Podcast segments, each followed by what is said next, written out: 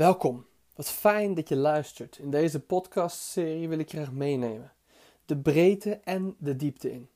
Om te ontdekken wat Matthäus allemaal uitpakt aan thema's in die laatste paar versen van zijn evangelie. En hoe hij verschillende losse eindjes aan elkaar knoopt. Ik hoop en bid dat de podcast je bemoedigt en sterkt in je geloof en vertrouwen in de Vader, Zoon en Geest. Hoe gaan we dat doen?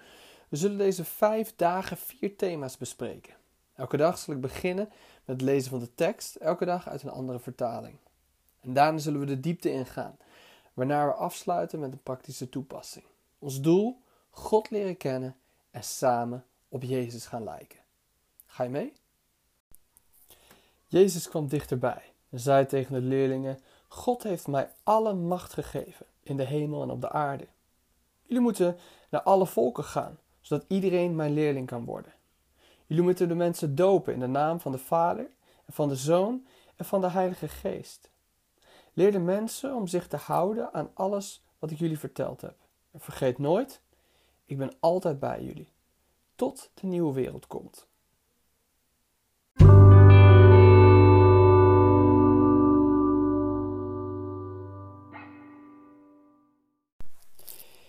In de ontwikkeling van thema's heeft Matthäus veel oog voor het Oude Testament.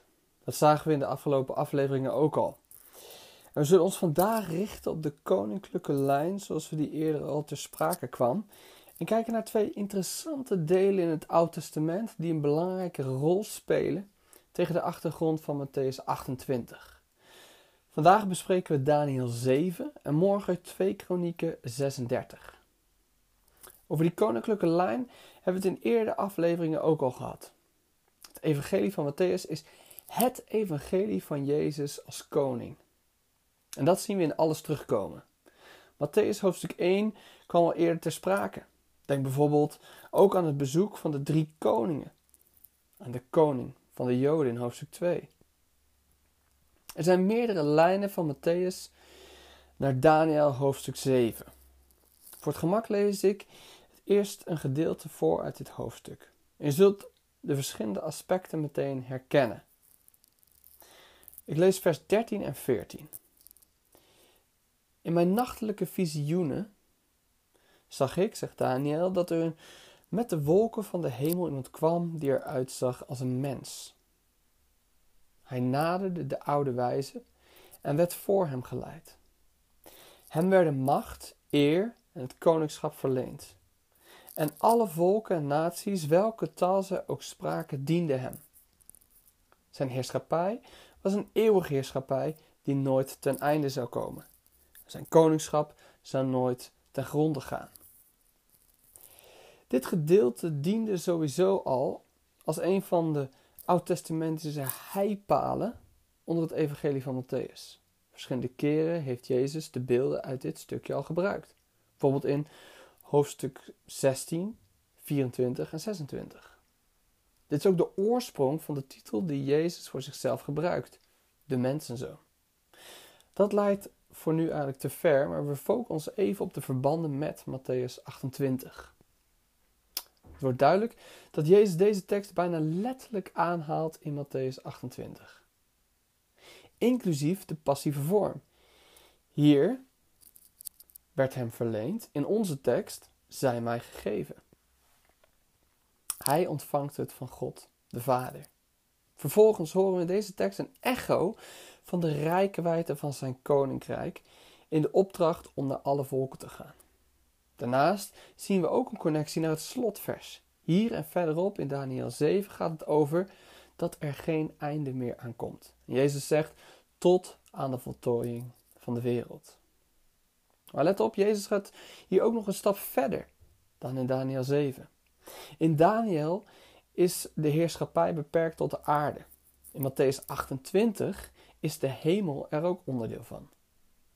En dat brengt ons ook terug naar een eerder moment in het Evangelie. Als Satan Jezus alle koninkrijken van de hemel aanbiedt. Daar slaat Jezus dat af en hier wordt duidelijk dat hij iets veel groters heeft ontvangen door het doen van de wil van de Vader.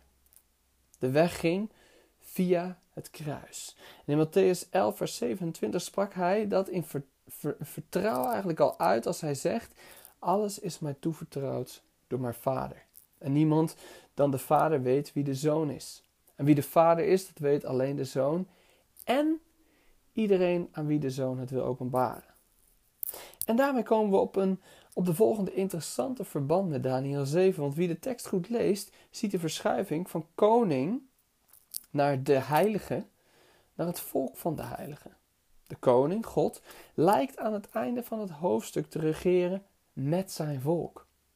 In Matthäus 11 wordt al duidelijk dat mensen mogen delen in wat de vader en de zoon samen hebben, namelijk relationele kennis van elkaar. Als Jezus toevoegt en iedereen aan wie de zoon dat wil openbaren. De gelovende gemeenschap is essentieel deel van het plan van God. En dit wordt natuurlijk bevestigd in Matthäus 28. Wie gaat dat koningschap van, koningschap van Jezus aankondigen voor alle volken? Jezus zelf? Nee, de verkondigde gemeenschap, verkondigende gemeenschap die op dat moment nog bestaat uit een klein groepje leerlingen. Wat een voorrechtspositie krijgen we. Wij zijn de herauten van de koning en worden essentieel onderdeel van zijn heerschappij.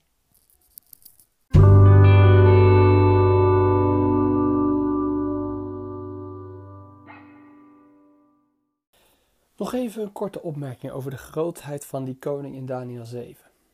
Er zijn hinten naar het feit dat die koning toch wel heel bijzonder is en dat hij eigenlijk goddelijk moet zijn. Maar Daniel 7 gaat niet zo ver.